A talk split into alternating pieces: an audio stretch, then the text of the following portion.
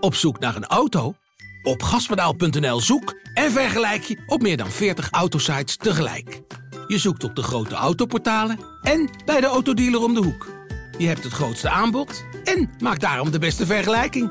En zo mis je nooit meer een auto. Zoek en vergelijk op gaspedaal.nl.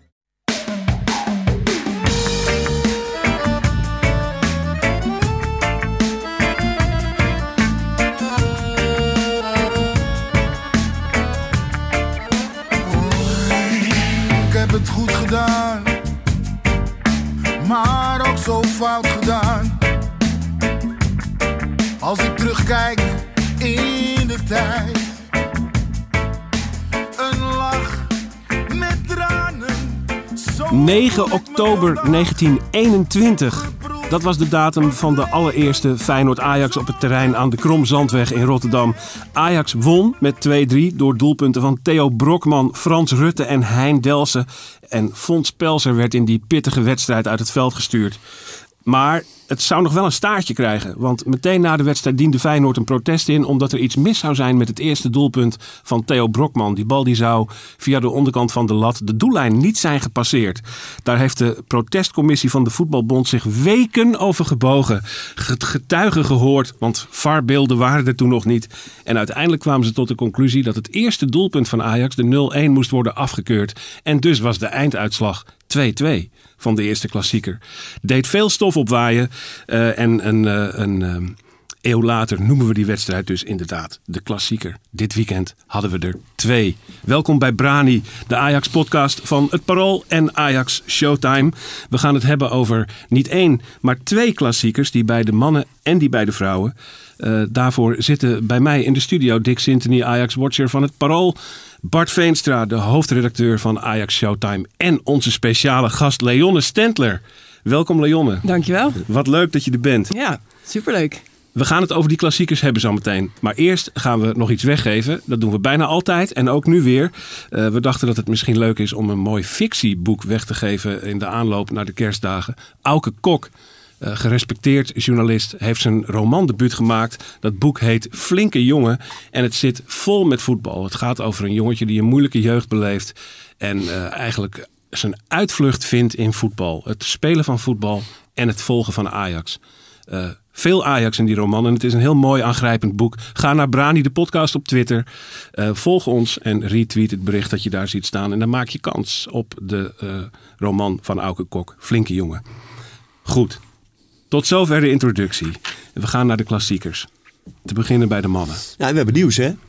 Hebben we nieuws? Ja, ja. Feyenoord heeft een eh, protest ingediend. Die, eh, tegen de hensbal van eh, Per Schuurs. Ja. En eh, de protestcommissie buigt zich de komende weken over die, over die hensbal. Over een paar dus het zou zomaar kunnen dat we over een paar weken... Ja. dat alles anders is. Ja, ja, ja. Dat, nou ja, hè, dat is, eh, dan is het dus een heel spannende winterstop, Dick. Ja, dat is toch geweldig, man. Dat soort eh, Ja, geweldig. historie. hè? Getuigen gehoord. Getuigen Ja, wie wie Ja. mag dan getuige zijn? Wel benieuwd. afgekeurd, 2-2. Ja. En ook niet gewoon niet de beslissende goal in de laatste minuut, maar gewoon de eerste De van eerste. de vijf. Ja. Die, die gaat er dan af zo. Die streep er gewoon weg. Ja, alsof, alsof de rest dan gewoon ook zo had verlopen. Als Ja, die, eh, precies. Classic. Heerlijk. Classic. Nou, we gaan er goed voorzichtig vanuit dat deze uitslag van 0-2 van gisteren dat die blijft staan eh, voor de komende weken. Dat, eh dan gaan we. De uitslag blijft staan. De beelden zijn allemaal gewist. Precies, precies. Eerst wil ik van jou weten, Dick. eh, jij was in de Kuip. Nee, ik was niet in de Kuip. maar op- het maakt niet uit. Ik heb hem wel gezien. Oké, nee, ik, ik, wilde, ik wilde namelijk vragen hoe was het daar, maar dat, eh, eh, die, die, eh, die supporters rond het stadion, de ontvangst van Berghuis en hoe dat allemaal aanvoelde. Maar dat was je deze keer niet bij. Nou ja, goed, de beelden die zeggen natuurlijk ook genoeg. Die spreken voor zich. Dus Ja. ja, ja dat is altijd heftig. Dat blijft zo. Ja, Die, die ontvangst is, is nooit echt hartelijk. nooit echt. Zullen we maar zeggen. Nee, nee, met een Ajax-bus die via een zijingang het terrein op moest rijden. En eh, nou ja, goed, eh, er was weer van alles aan de hand. Dat hebben we gezien. Die wedstrijd zelf, heel erg slecht, Leonne. Ja, ontzettend slordig. Het was echt... eh, ja, ik vind het knap als, als mensen dan ook gewoon dit uitzitten bijna. Zo, zo slecht was het, zo slordig was het. En, en dat is natuurlijk wel vaker als je, als je zo'n wedstrijd zo ophypt. Dan verwacht je ontzettend veel, dan verwacht je zo hoog niveau. Maar ehm, ja, eigenlijk hadden we al wat eerder naar Pieter Zwart moeten luisteren. Hè? Het, zou, eh, het zou vooral om het druk, eh, druk zetten gaan. Ja. En daar zijn ze natuurlijk allebei ontzettend goed in. En dan hou je elkaar in de greep. En wordt het heel saai. Maar dat het zo, dan ook nog eens zo slordig en, en, en eh, onrustig was. Ja, dat is dan nog eens extra jammer eigenlijk voor zo'n wedstrijd. Ja. En heb jij dat nou ook echt ervaren als gewoon saai en vervelend en niet leuk om naar te kijken? Of zat er toch voldoende Ja, spanning er zit, op? ja, er zat natuurlijk wel heel veel strijd in. En eh, dat zag je ook wel aan de kaarten en de duels die werden gespeeld. Dus wat dat betreft zitten er natuurlijk wel kijkwaarden in. Ehm, maar ja, je, je hoopt gewoon op meer in, in zo'n wedstrijd. Je hoopt gewoon op een beter niveau en dat mensen boven zich uit gaan stijgen. En ik, dat zal er ook mee te maken hebben dat gewoon de supporters er niet waren. En dat die sfeer er dan niet, of in ieder geval anders is.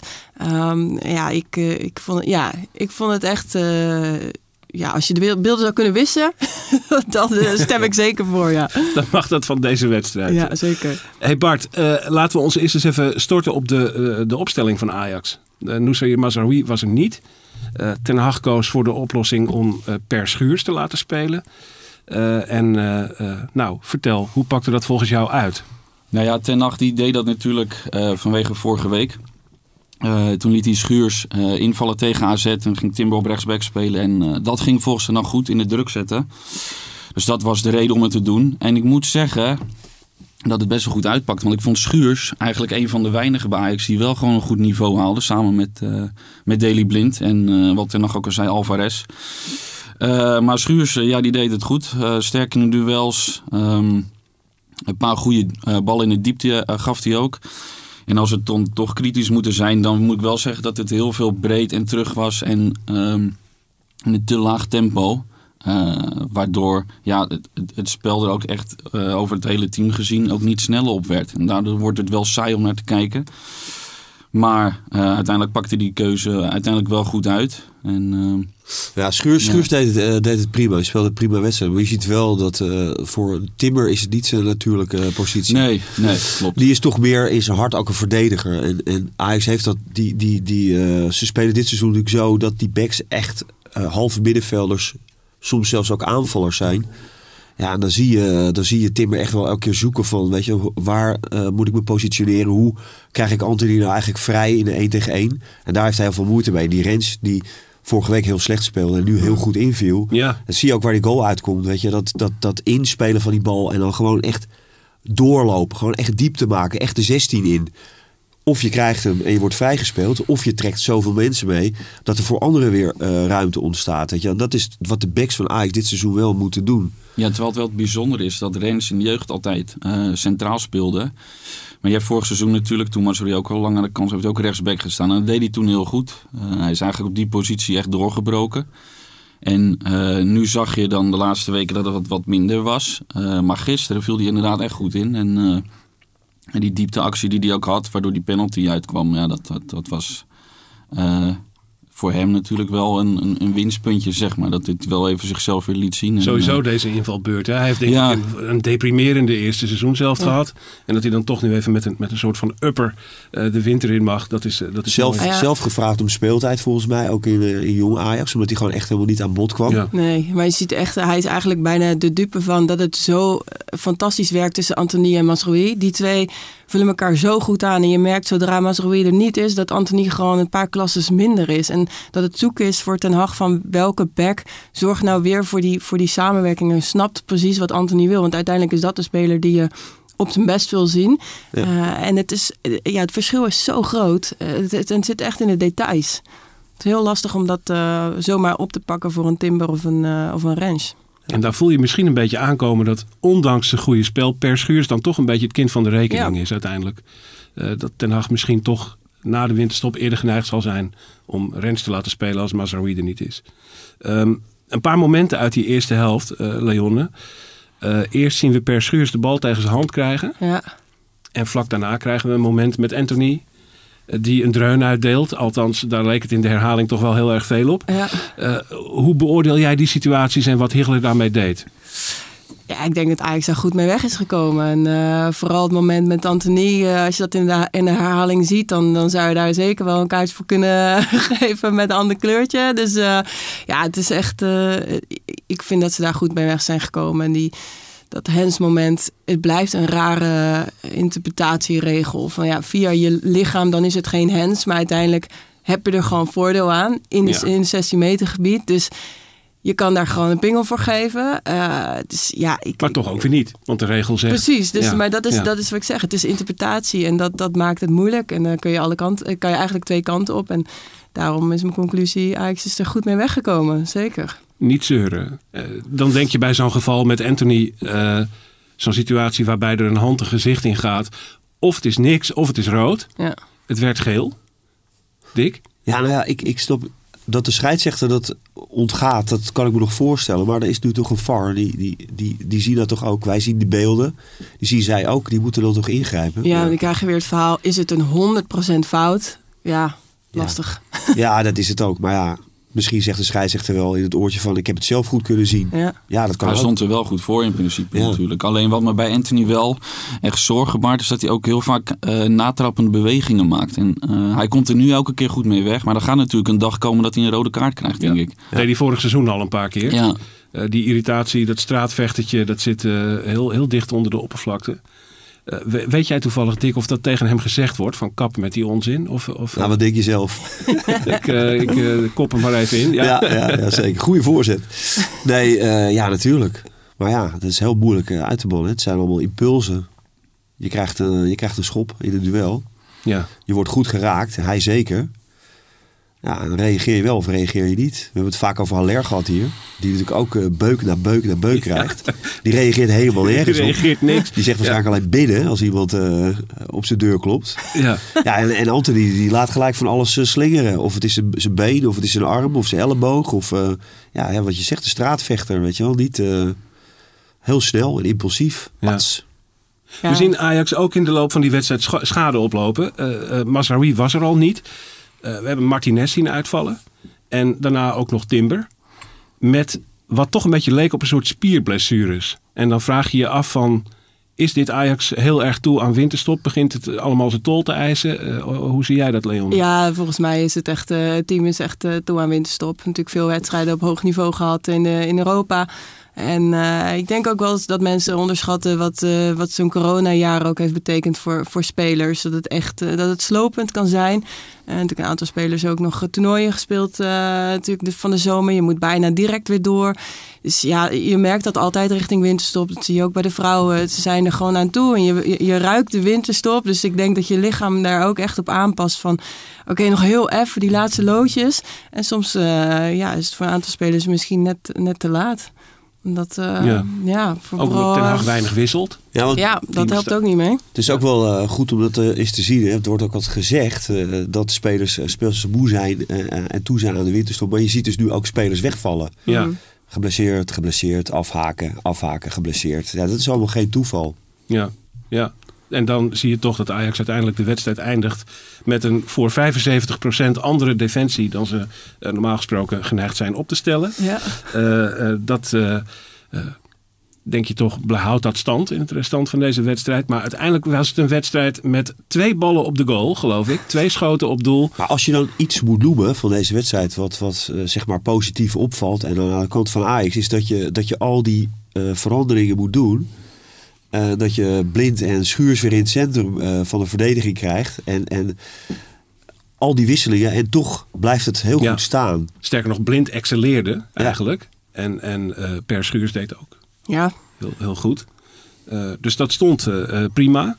Eh, maar voetballend, eh, wat ik zei, weinig kansen. Eén schot op doel van Ajax. En dat was dan geloof ik zelfs de strafschop die uiteindelijk eh, laat in de wedstrijd erin ging. Verder kregen ze er geen enkele tussen de palen. Feyenoord creëert eigenlijk ook niks.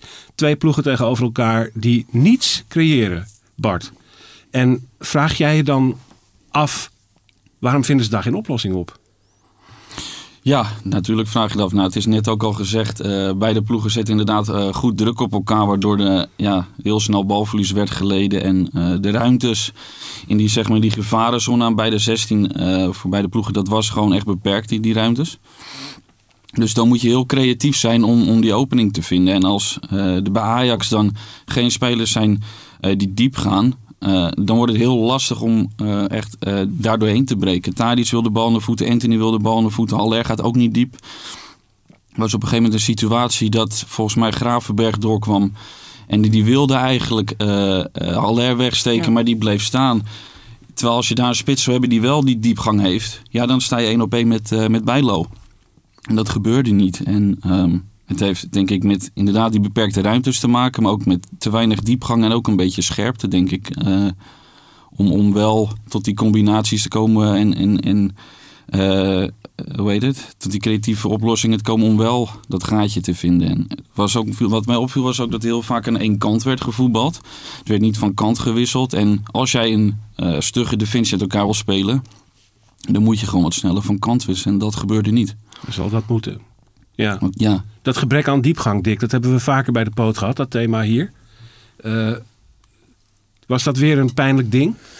Eh, ja, en eh, het feit dat er ook niet gewisseld wordt, zegt ook wel veel. Eh, er zitten gewoon niet spelers achter die eh, Ajax in aanvallende zin iets extra's kunnen geven. Danilo heeft het niet. Eh, Darami laat eh, al een paar keer zien dat hij gewoon nog niet op het niveau zit wat Ajax nodig heeft. Neres heeft een motivatieprobleem. Anders Ja? kan ik het niet dat- uitleggen. Ja, nee, ja, ik, je, je ziet hem voetballen en hij doet zeker zijn best en hij werkt hard. Maar die echte scherpte, die is er gewoon niet. Nee. En je ziet hem gisteren ook zitten in die kuip, weet je wel, dan onderuitgezakt. En dat is ook wel een beetje zijn, zijn houding, sowieso. Maar ook niet reageren op de tweede goal, weet je wel. Niet, niet, nou, die, die, die is wel met zijn hoofd ergens eh, anders, denk ik. Die is wel toe aan een eh, andere voetbalomgeving. Dus ja, dan blijft er heel weinig over, hè? Ja, ja en ik, ik zat gisteren ook te kijken. Het gebrek aan diepgang heeft natuurlijk ook ontzettend te maken met de backs van Feyenoord die, eh, die heel veel meters maken. En dan moet je mee. Ja. En Zo'n moment waar je het net over hebt met Gravenberg. Ik weet het moment nog. Hij verovert hem zelf. Hij draait mooi open. En dan denk je, ja, nu komt er een aanval. Nu komt er een goede counter. Haller die moet een, een beweging maken. Uiteindelijk geeft hij een bal op Anthony. Want die komt wel. Maar die bal was zo slecht dat, het, dat die hele aanval weer, eh, weer dood Ik ging. weet het Dat nog, echt dat moment. en dat waren heel veel momenten van Gravenberg die, waar hij dan echt goed is. Echt goed zijn, zijn lichaam gebruikt in de beweging en vrijkomt van, eh, van die arsenis. En dan het vervolg was eigenlijk steeds dramatisch. En dat is dan net even die scherpte inderdaad die er niet is om, om wel een, een goede aanval uit te spelen. Terwijl de ruimte er wel was en terwijl de, de mensen wel kwamen vanuit hun verdedigende eh, functies. Maar ja, dat was het slordige waardoor je ook niet tot, tot geen enkele kans komt. En dan ben ik het echt wel met je eens dat er niet een versterking zit. Het, het Tadic wordt alleen gewisseld als het echt niet anders kan. Van Anthony hoop je steeds nog op een opleving. Eh, en dat kan eh, ook in de negentigste minuut nog komen. En Aller zou ik in, dit, in, in, zo'n wedstrijd al helemaal niet eh, wisselen. Dus ja, dan blijf je hier een Dat beetje je, mee, eh, mee aanklooien. Nou ja, dat, dat, dat is, ik, zo- precies zoals je het zegt is het. Maar als er achter spelers zitten die dat ook kunnen brengen. Ja. Van gelijkwaardig niveau of, of hè, misschien scherper op de trainingen de hele week. Maar dat is niet het geval. Dus laat je zeker eh, die spelers staan. Weet je, het is daarachter gewoon nu te dun. Ja. Vandaar ook eh Brobby. Het is echt gek dat je zegt te dun, terwijl je... Terwijl je, oh, je Iedereen zegt van de bank. Ja, de bank kan overal, ja, eh, ja, ja. overal zouden ze kunnen spelen, weet je. Maar, Maar, maar dat is ja, wel, dat is wel Veel spelers, maar er mist iets specifieks. Ja, maar goed, in verdedigend opzicht wel. Weet je, Ja. al die wissels die je nu moet maken, daar, daar wordt het team eigenlijk niet slechter van. En we hebben de afgelopen weken gezien eh, dat dat eh, in aanvallende zin eh, dat geen verbeteringen zijn. Mm. Dus daar zitten niet eh, spelers achter die echt zeggen, trainer, ik, Ja, klop op de deur. ja, weet je, ik, ik, ben, ja, ik ben er klaar voor. Ik, wil erin. Ja, ze willen misschien wel, maar ja, het, is- het, zit, het is niet genoeg, eh, ja, of niet genoeg kwaliteit, of, of nog niet goed genoeg. Wat daarvoor antwoord op kan komen, daar gaan we het zo nog even over hebben. Maar ik denk, eerst- ik maak een bruggetje. Ja, precies. Ja, nee, Ja, ik- ja, ik- Ik, ik ga haakte het, hem eh, even Ja, midden, maar... ik heb zijn naam al Ik ga, genoemd. ik ga het bruggetje nog niet eh, over. Ja, nou, we gaan het eerst even geduld, even, mensen, even geduld. Eerst wil- ga ik een, vr- een vraag van Rick van der Aker eh, eh, voorleggen aan Leonne. Die wil weten wat jij van scheidsrechter Hich- Hichler vond.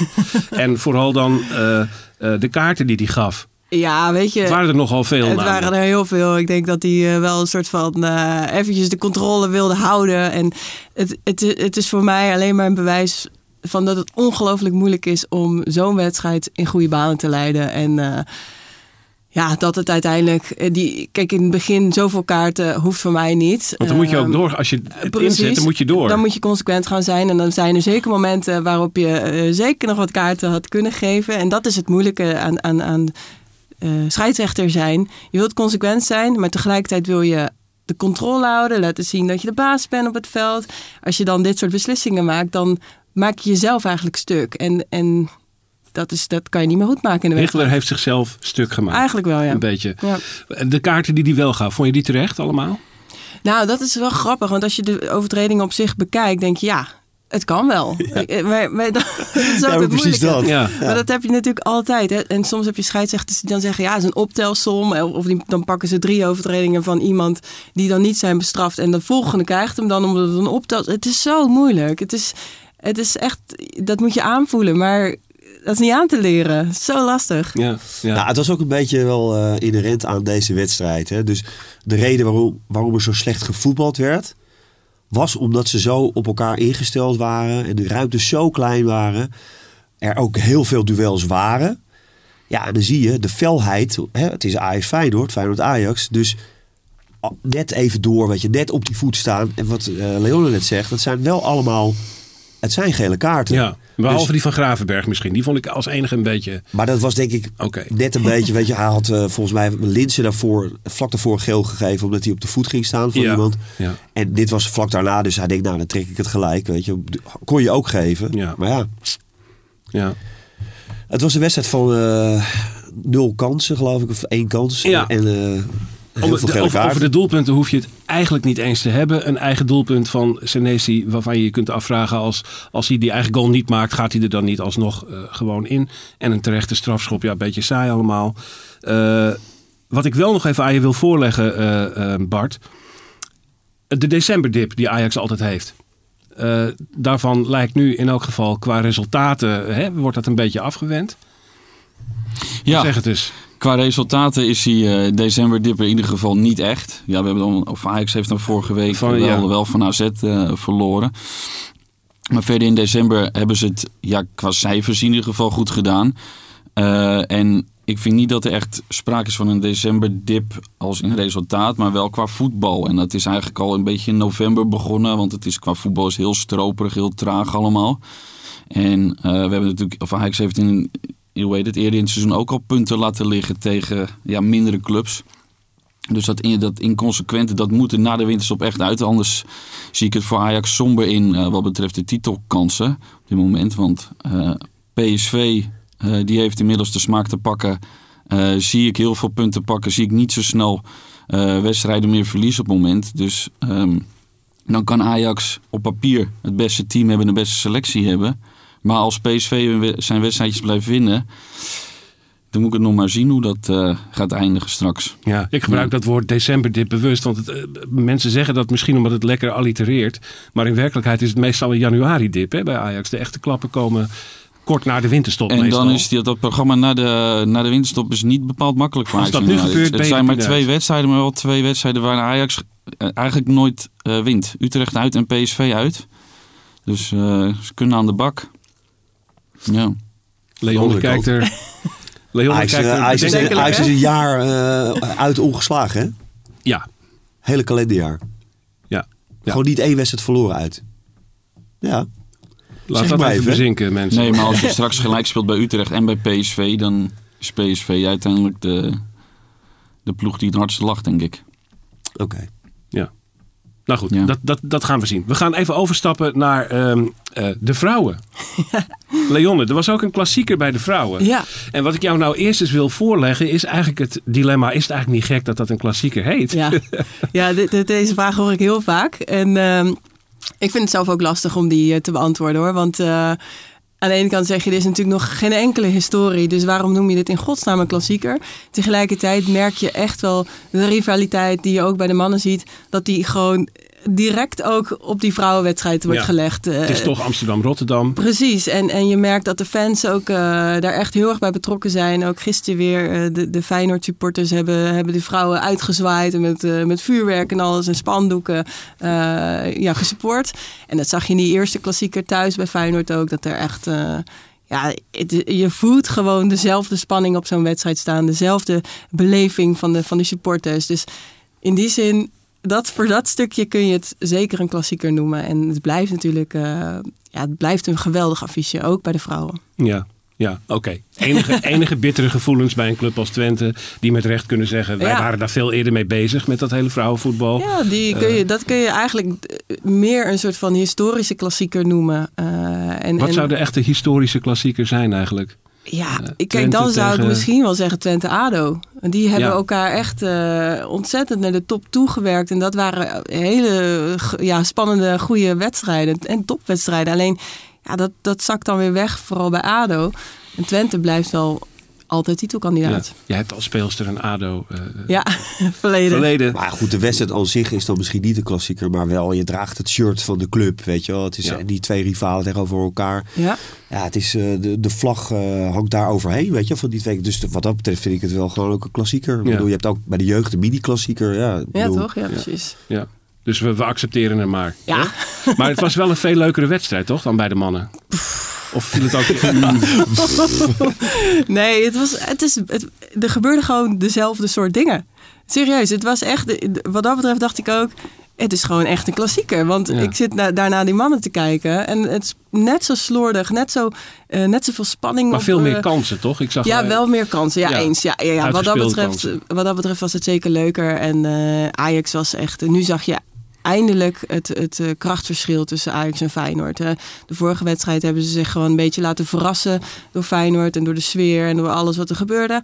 En nu heeft Ajax het gewoon heel zakelijk uitgespeeld. En eh, ja, hebben ze ze bijna gewoon kapot gespeeld. Feyenoord is gewoon ontzettend moe. En, en, en zijn dit natuurlijk voor een groot deel nog niet gewend. Het is een nieuw team, zijn veel nieuwe speelsters, wat jongere speelsters. Ja, dat merkte zich gisteren heel erg. Ajax heeft echt gedomineerd. Ja, ja. Het was, eh, de eerste helft eh, zat het vast, zoals het bij de mannen ook Ja, eh, zat. Kort na rust was het ineens gebeurd. Twee doelpunten. ook een pingel. Ook, ook net als bij de mannen Ja. een penalty en een gewoon doelpunt. Hoewel dit dan wel echt een hele mooie was. Die Ja. andere, ze kwamen allebei van Romee Leugter.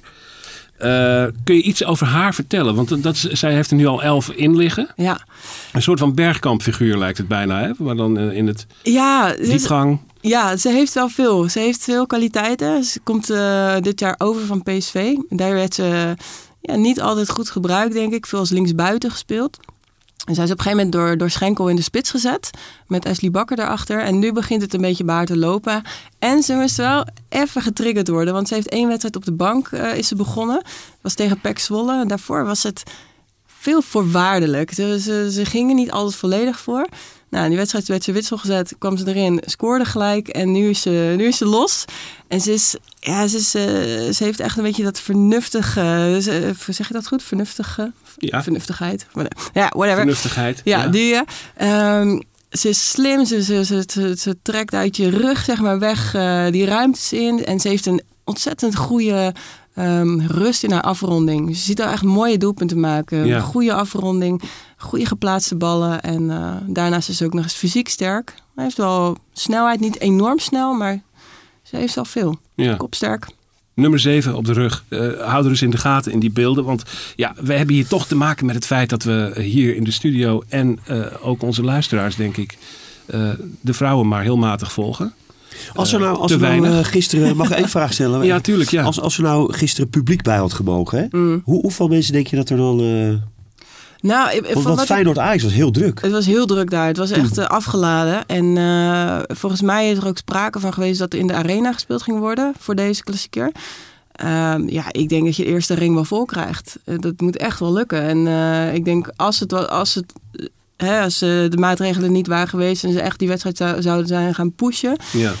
Ja, daar krijg je echt wel een hoop fans op af. Dus ik heb een paar kwestie- keer gezeten bij de Ajax-vrouwen op de toekomst. Eh, grote wedstrijden waar ik dan dacht van, oh, dan ga ik een keertje kijken. En dan zat het altijd vol hoor. Ja. Dat was dan wel gewoon eh, een, een stampvolle toekomst. Ja, wat dat betreft is het ook een zegen dat eh nou, eerst Ajax natuurlijk eh, eh, met vrouwenvoetbal is begonnen. Eh, en nu ook Feyenoord. Ja. Weet je wel, als je als sport wil, eh, wil groeien. Want ik had met Danny Schenkel pas geleden over. Eh, vorige week kwam ik hem tegen op de toekomst. We stonden een tijdje te kletsen. En toen zei hij ook van... Ja, als je weer ziet nu eh, die talententeams waar ze ook mee aan het trainen zijn. Als je ziet ook hoe hoog dat niveau Ja. alweer is. Hey, we, we maken heel gauw de vergelijking tussen vrouwen en mannenvoetbal. Maar vrouwenvoetbal is een hele jonge sport hè. Ja. Mannenvoetbal, dat, we hadden het net over 1921 geloof Ja. ik. Hè? De klassieker. Eh, mannen hebben er 80, 90 jaar over gedaan om hier te komen. Ja. En vrouwenvoetbal is pas 10 jaar bezig. Ja, ja. Dus, dus Iets langer. je- hè? Iets langer wel. Nee, maar- ja, nee, natuurlijk Qua- qua wel langer. Maar qua, eh, qua, qua eh, Het topniveau. eh, het groeien ook van het Ja. meidenvoetbal en zo. Clubs die echt uit hun voegen barsten. Omdat zoveel meiden eh, Ja. zijn gaan voetballen. En je gaat het vooral bij, bij de keepers zien. Hè? Daar hebben we het vaak over bij de vrouwen. Hè? Dat is dan een slecht niveau. En je moet je voorstellen dat een keepster zoals een Sari van Veenendaal heeft... eh, is heel laat gestart. Komt dan bij een amateurclubje tussen de jongens, eh, gaat ze daar keepen.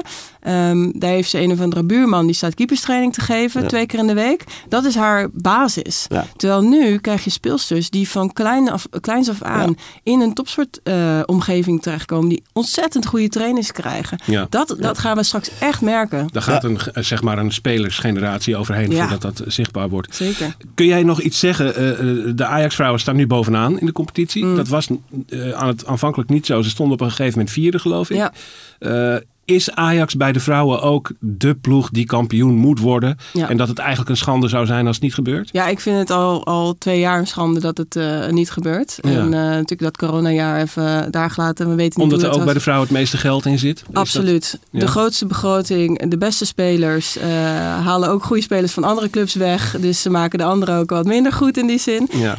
Ja, zij moeten kampioen worden. En als dat niet gebeurt, dan, dan dat kan echt niet. Dat is, dat, ik vind dat echt, dat is, dat kan je, niet, eh, kan je niet verkopen als het niet lukt. De druk ligt erop. Zeker. Ajax-vrouwen, Er jullie ook, moeten eh, kampioen wat, worden. eh, oranje internationals in, eh dacht Absoluut. ik toch? Eh, Ja, zeker. Niet de minste. Dus Nee. eh, kijk, er is echt wel wat eh, spelersbeleid geweest eh, die Ja. echt grote namen, dat er echt grote namen zijn gekomen. Ja, zij moeten gewoon kampioen worden. Ja, want Spits is natuurlijk eh, gekomen, de Ja. aanvoerster van het eh oranje team. Sowieso zie je- routine van de gracht, Ja. spitsen, dat zijn eh, vrouwen en met talent veel power. Ervaring. natuurlijk. Ja, Palova is natuurlijk Ja. echt de smaakmaker van het team. Ja. Die gaf trouwens echt een heel mooi balletje. Die paas. Ja, ja. Zo, hé, ja. Maar zie jij het gebeuren dat zeg maar de, Dus ik heb weer naar de verkeerde klassieker De- zitten kijken. Ja. de, de, de- die nu zeg maar in het oranje team spelen, in het buitenland spelen, dat die op een gegeven moment terugkeren in de Eredivisie. Zoals misschien Martens bij Ajax, Van het Donk Ja. bij PSV, eh Miedema bij Feyenoord dan misschien. Zie je dat gebeuren? Dat Dat- gaat 100% gebeuren. want ik denk ja. dat dat ook heel veel uiteindelijk nog eh, voor aantrekkingskracht gaat zorgen. Ja, Dat, dat- dat is natuurlijk met eh, Spitsen en Van Precies. de Gracht al gebeurd. Die hadden al Ja. grote carrières. op, en net op het moment dat ze dan of geblesseerd zijn of iets minder aan spelen toekomen, keren ze dus wel terug naar die eredivisie. Ja, oké, maar die namen die ik net opnoemde, dat zijn dan nog net even meer de smaakmakers van Oranje, Ja. zeg maar. Ja, het is En, echt eh, het is, het is wachten tot Lieke Martens weer terug naar Nederland komt. Ja. Dat, gaat geweldig zijn voor waar ze dan ook gaat spelen. Maar volgens mij was vorig jaar eh, ging het daar eventjes over. Zei ik ook, nou, ik denk dat ze nog twee, drie jaar in het buitenland zit en dan, dan komt ze wel. Ja, dat is Ja. voor een club natuurlijk echt een marketingmachine. Zeker, ja. Dat gaat wel eh, gaat enorm helpen. We gaan eventjes eh, ter afronding een paar thema's in heel hoog tempo doornemen, Dick. Ja, kom maar. Jij kunt, eh, Vuur. De eerste leg ik aan jou voor. Dat thema was dat, dat is iets wat mij persoonlijk opviel. Ehm eh, Tadic en Berghuis heel erg lovend over Arne Slot. Op een manier dat ik dacht, is daar intern een beetje over gepraat. Hoe waarschijnlijk is de kans dat Ten Hag dit, deze zomer vertrekt en dat Ajax achter Slot aangaat? Hoe schat jij dat in? Eh, nou ja, goed, over Ten Hag heb ik al eens gezegd dat het me niet zou verbazen als hij na dit seizoen zou vertrekken. Precies. Nou, daarop voortbordurend. Eh, ja, Slot is wel eh, een...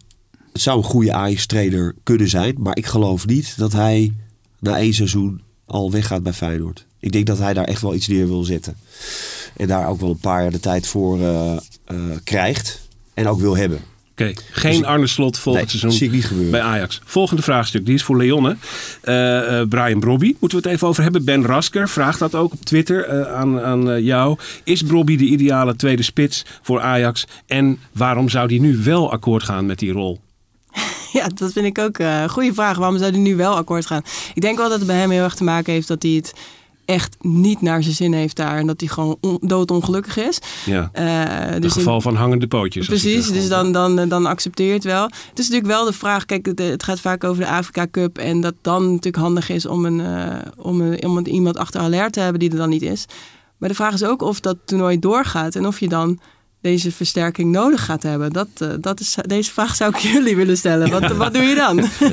Nee, ik ben wel voorstander van zijn komst. Want wij hebben het er net ook al over gehad. Als Haller niet in de wedstrijd zit of je denkt net even wat anders nodig te hebben, dan heb je een goede aan Brobby. En blijkbaar vinden ze Danilo niet goed genoeg zeg maar, om in te brengen. Dus dan blijf je naar het hangen op Haller. Hij is wel die man en met Brobby die is diepgang wel en die, en die die man met die agressie diepgang. vooruit. En, en, eh, Even die 10 minuten uh, Ja. Ja, en eh, ik zag dat hij bij Leipzig heeft hij dit seizoen eh, tot nu toe in, mij 250 minuten over het hele eerste seizoen zelf gespeeld. Dat is niks. En hij gaat sowieso bij Ajax gaat hij veel meer minuten maken. Dus gaat er sowieso op vooruit. Ja. Ze speelden tegen Arminia eh, eh, Ja. dit weekend. En ze, stonden, eh, eh, ze kwamen met 2-0 achter in de 75ste minuut.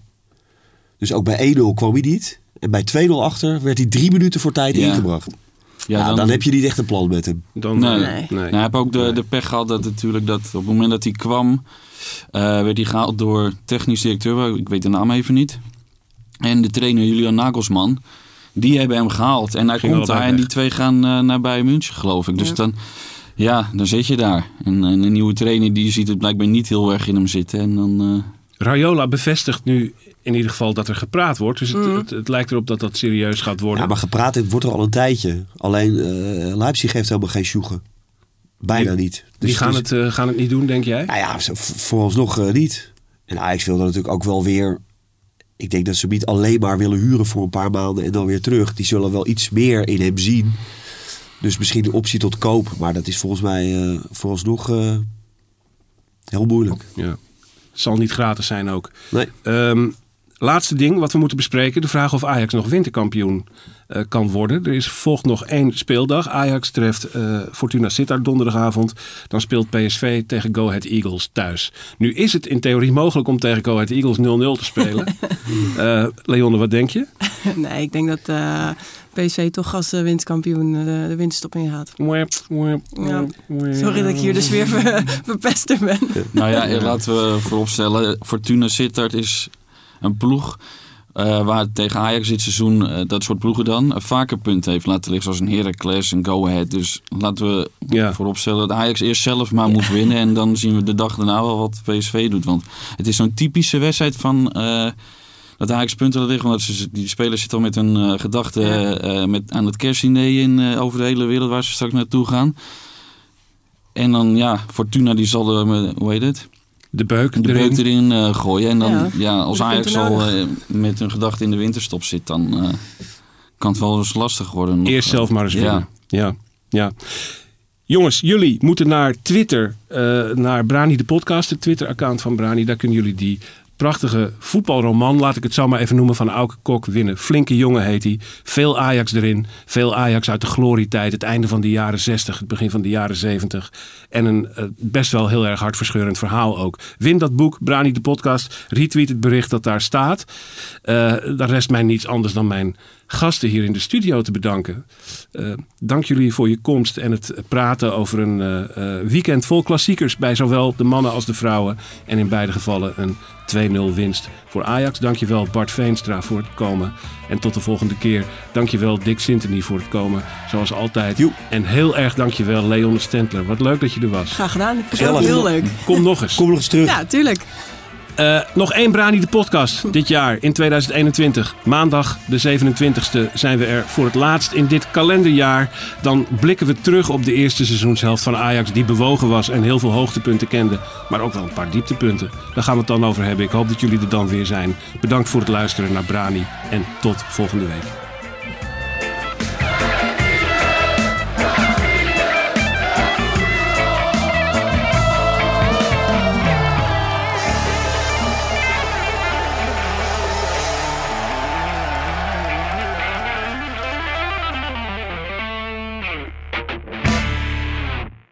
Op zoek naar een auto? Op gaspedaal.nl zoek en vergelijk je op meer dan 40 autosites tegelijk.